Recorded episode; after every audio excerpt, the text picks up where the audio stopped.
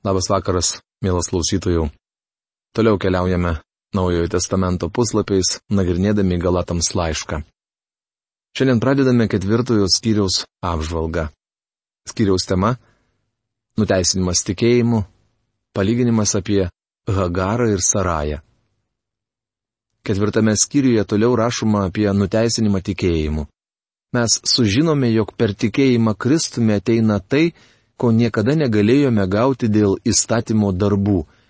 Tikėjimas suteikia mums Dievo vaikų padėtį. Jis mus atveda į pilnametystę. Kai pradedame gyventi krikščioniškai, esame kūdikiai ir turime subręsti. Tačiau Dievas suteikia mums pilnamečio padėtį ir sugebėjimus, kurių kitaip negalėtume turėti. Dar pasakysiu. Kol paveldėtojas nepilnametis, jis nieku nesiskiria nuo vergo, nors yra visako šeimininkas. Pilatams laiško ketvirtos skyriaus pirmą eilutę. Kosto burbulio vertime šia eilutė skamba taip. Dabar pasakysiu, kol paveldėtojas vaikas, jis nieku nesiskiria nuo vergo, nors yra visko šeimininkas. Šioje eilutėje pavartotas žodis vaikas yra ne tas pats žodis vaikas iš laiško Galatams trečios skyriaus 26 eilutės, kuris graikiškai skamba hujos ir reiškia sūnus. Čia pavartotas graikiškas žodis nepijos, reiškintis mažą vaiką, kuris dar nemoka kalbėti. Kol paveldėtojas vaikas, šeimos mažasis, jis nieku nesiskiria nuo vergo. Kad aiškiau suvoktume Pauliaus palyginimą, vėl turime prisiminti romėnų papročius. Romėnų namuose tarnai būdavo atsakingi už įvairių šeimininko turtus. Vieni būdavo atsakingi už kilnojimą į turtą, kiti už gyvulius, treti prižiūrėdavo sąskaitų knygas, o ketvirti šeimininko vaikus. Kai namuose gimdavo kūdikis, tarnai juo rūpindavosi ir rengdavo tokiais drabužiais, kad jis nesiskirtų nuo tarnų vaikų, su kuriais žaisdavo jis turėdavo paklusti tarnams lygiai taip, kaip ir kiti vaikai. Jis esti globėjų ir prievaizdų valdžioje iki tėvo nustatyto meto. Galatams laiško ketvirtos kiriaus antra eilutė. Iki tėvo nustatyto meto. Koks tai metas? Tai būdavo metas, kai tėvas pripažindavo, jog jo sunus pats gali daryti sprendimus ir suteikdavo jam suaugusio sunaus padėtį. Atkreipkime dėmesį, jog būtent tėvas nuspręsdavo, kad jo sunus jau pasiekė brandą. Tai nebuvo sutartinis įstatymas, kaip mūsų visuomenėje.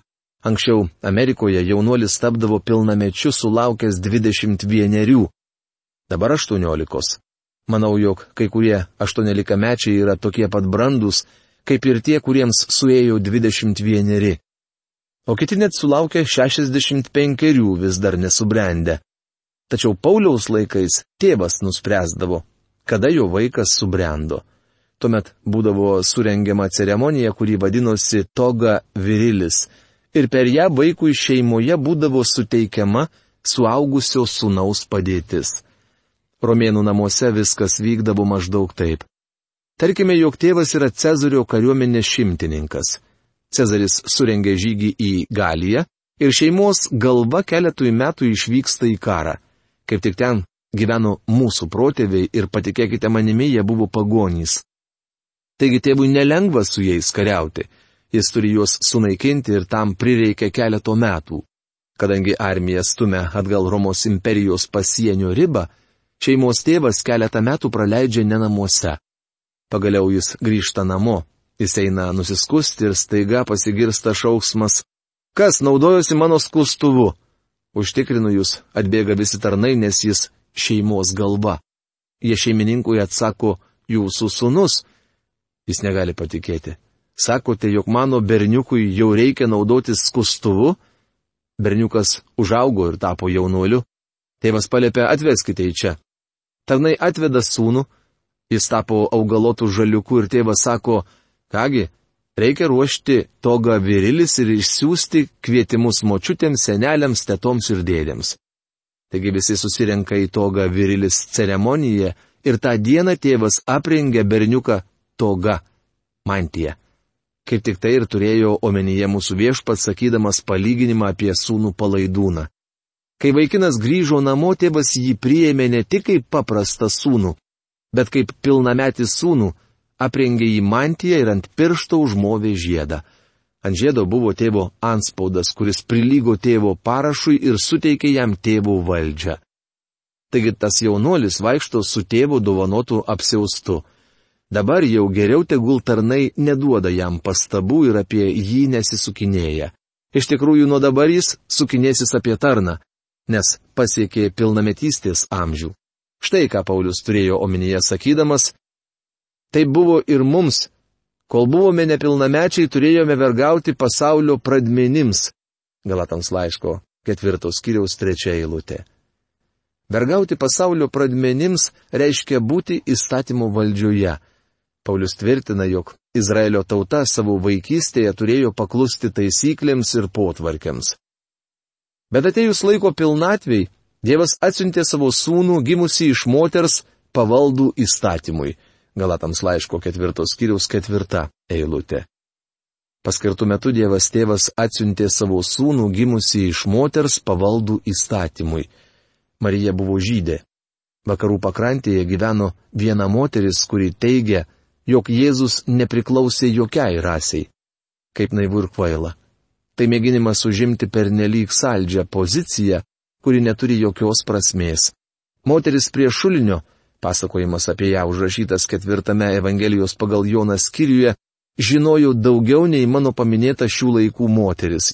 Ji klausė, kaipgi tu būdama žydas prašai mane samarietę gerti. Rašoma Jono Evangelijos ketvirtos kiriaus devintoje eilutėje. Ji pavadino Jėzų žydu ir mūsų viešpats jos nepataisė. Todėl darau išvadą, jog ji buvo teisė. Jei neprieštarausite, verčiau jau patikėsiu ją nei kai kuriais savo amžininkais, kurie mėgina paneigti tai, jog Jėzus pagal kūną buvo žydas. Jis buvo tobulas žmogus, Taip pat jis buvo Dievas apreikštas kūne. Mano laikais tuo abejojama. Tačiau vienintelis istorinis Jėzus, kurį turime, yra tas, kuris viename iš seniausių bažnyčios išpažinimų apibūdinamas kaip tikriausias žmogus ir tikriausias Dievas. Sutinku su šiuo išpažinimu, nes tiksliai to moko Dievo žodis. Kokiu tikslu Dievas atsiuntė savo sūnų?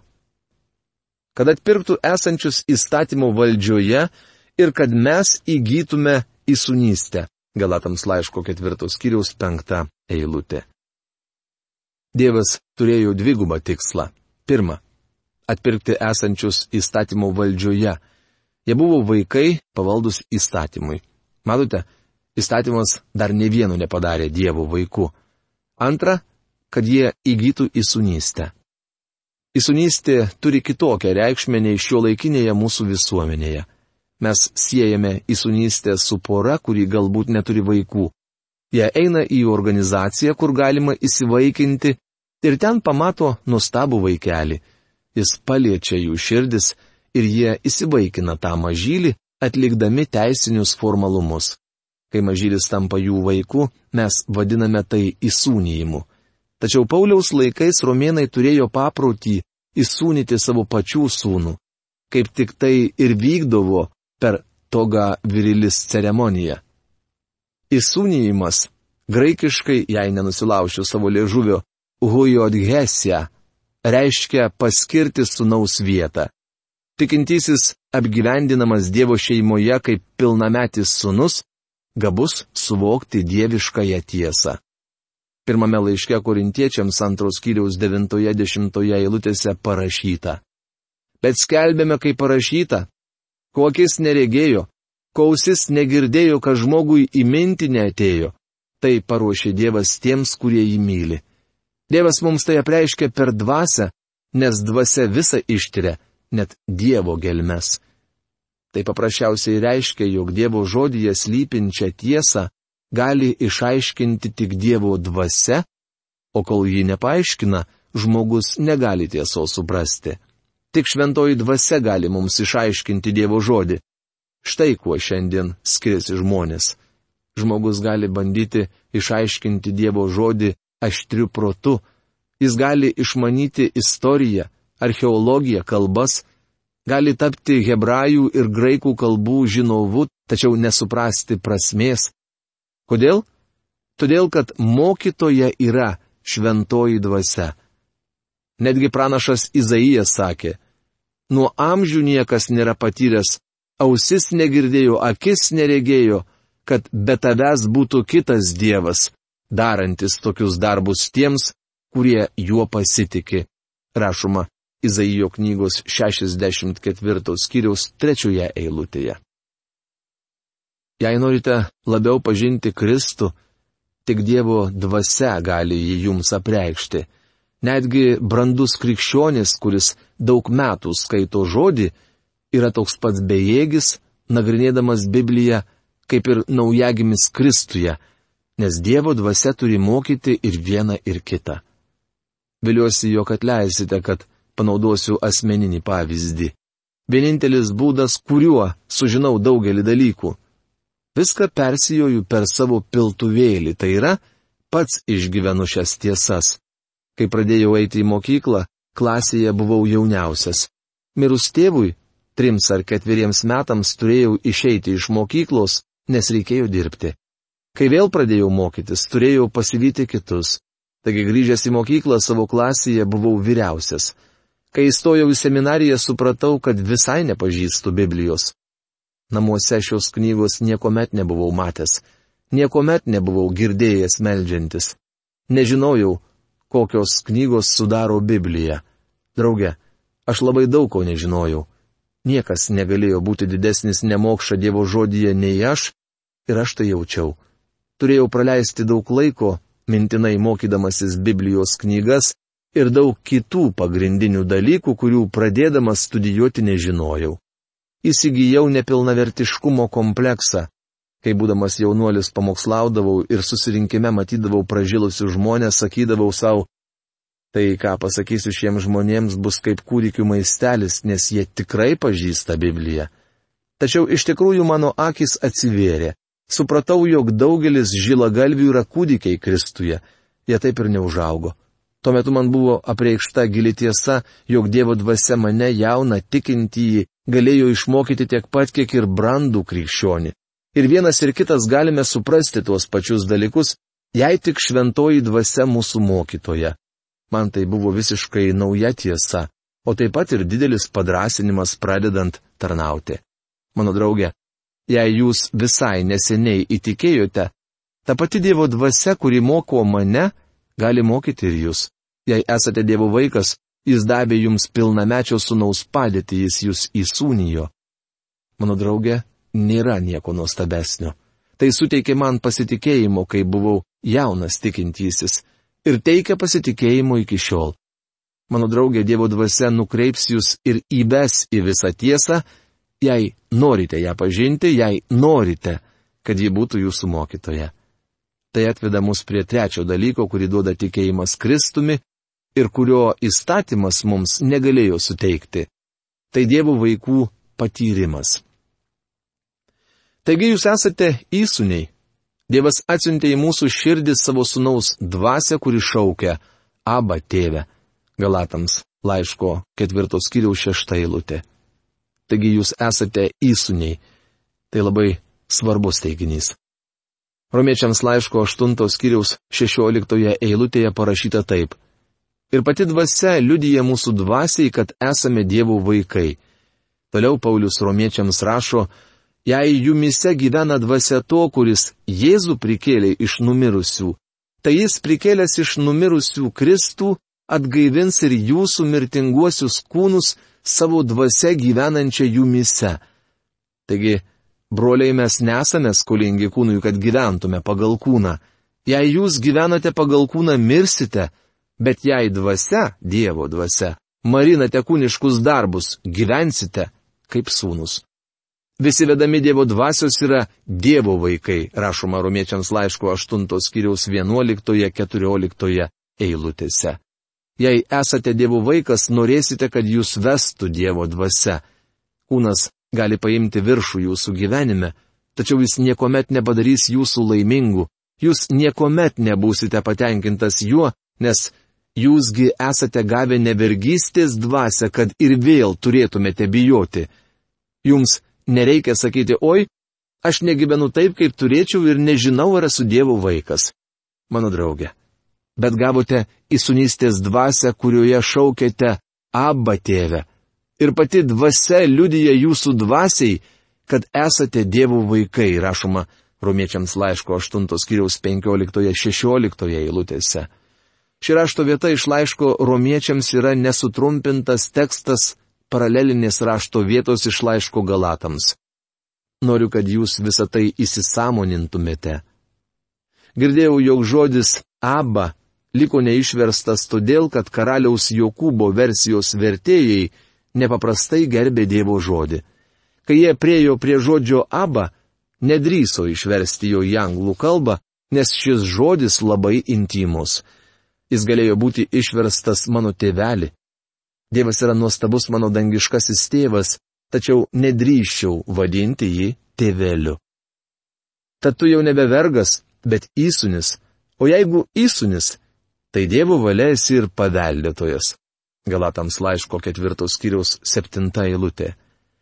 Taigi dvasia mums duoda patirti, kad esame Dievo vaikai ir mes galime šaukti Ne tik tarti žodžius ar apsimesti, kad esame pamaldus. Vadindami Dievą mūsų tėvų, nes pati dvasia liudyja mūsų dvasiai. Tai leidžia mums patirti, jog esame Dievo vaikai. Daugelis žmonių tiki, jog vienintelis būdas, kaip gali patirti tam tikrą išgyvenimą arba pasiekti aukštą šventumo laipsnį, tai tapti šventu arba, kaip jie tai vadina, ieškoti šventosios dvasios krikšto. Jie tvirtai įsitikinę, jog Jei nepakilsi iki to lygio, tai niekuomet nepatirsi jokio išgyvenimo. Mano draugė, noriu jūs užtikrinti, jei esate neseniai įtikėjęs arba silpnas tikintysis, galite patirti tam tikrų išgyvenimų kaip Dievo vaikas, net ir nepasiekęs tokio lygmens, nes įsunystę mes gauname per tikėjimą Jėzumi Kristumi. Kai žmonės pasiekia aukštą dvasingumo lygmenį, jie pradeda manyti, jog yra pranašesni už likusius. Vis dėlto mes visuomet liksime neišmanėliai, maži Dievo vaikai. Mes visuomet pilni nemokšiškumo, užsispyrimo, nuodėmių, baimių ir silpnybių. Mes niekuomet nesame nuostabus. Jis yra nuostabus. Viešpats Jėzus yra nuostabus ir tikėdami juo mes patirsime išgyvenimų. Aš tikiu patyrimu ir jaučiu, jog šiandien daugeliu reikalingi išgyvenimai su Dievu. Paulius Raideris, vienas iš puikiausių Amerikos pamokslininkų, naudodavo pribloškiančias frazes. Vieną dieną stovėdamas ant scenos jis pasakė, Senoji prigimtis, kurią mes turime, yra tarsi sena negyva katė. Reikia pasilenkti, paimti tą seną nudvėsusią katę už uodegos ir kuo toliau ją numesti. Šiems žodžiams galiu pasakyti Amen. Kaip norėčiau atsikratyti senos savo prigimties. Vieną dieną daktaras Šėferis išgirdo, kaip jis pateikė šį pavyzdį ir jam vėliau pasakė, Pauliau, tu pamiršai, jog sena nudvėsusi katė turi devynės gyvybės. Kai tu ją išmeti kitą dieną, ji pas tave sugrįžta. Mes niekuomet netapsime tobulais Dievo šventaisiais, tačiau galime tapti Dievo vaikais tikėjimu į Jėzų Kristų.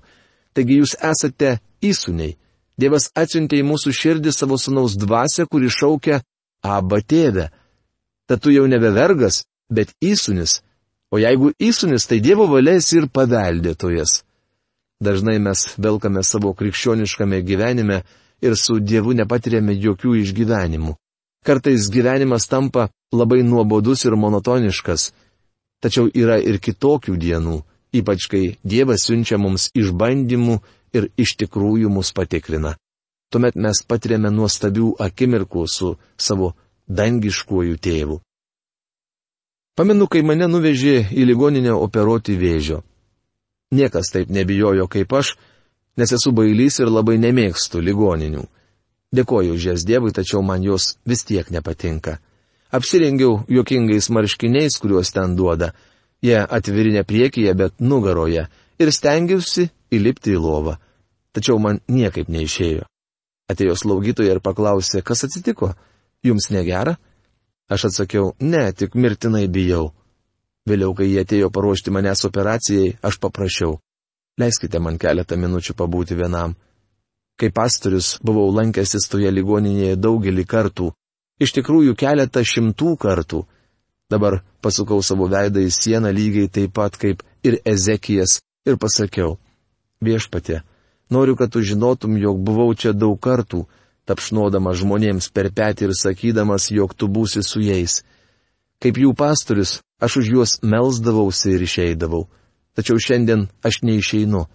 Man reikia pasilikti, nes mane patį operuos. Nežinau, kuo viskas baigsis. Aš norėjau pasakyti Dievui keletą dalykų. Norėjau jam pasakyti, kaip jis viską turėtų padaryti. Tačiau visą tai sulaikiau savo viduje ir tariau. Mano tėve, aš tavo rankose. Tabūnė taip, kaip tu nori. Tu esi mano tėvas. Jis buvo man toks geras.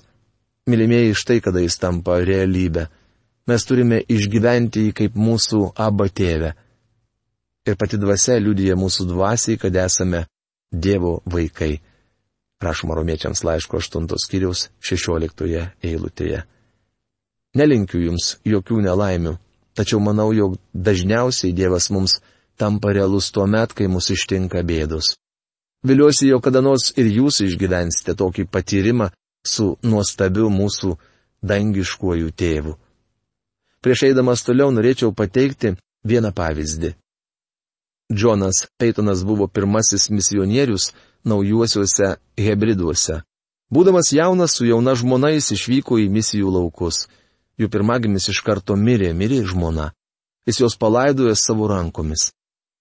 Kadangi gyveno tarp kanibalų, daug dienų ir naktų jis sėdėjo prie kapo, kad jie neiškastų mirusiųjų kūnų ir jų nesuvalgytų. Jis liudijo, jog jei viešpats Jėzus Kristus tuo laiku nebūtų tapęs jam realus, jis būtų išprotėjęs. Dievas tampa mums realus tuo met, kai mus pribloškė sielvartas. Būdamas kalėjime Paulius rašė, mano pirmajame apsiginime ne vienu nebuvo su manimi, visi mane paliko.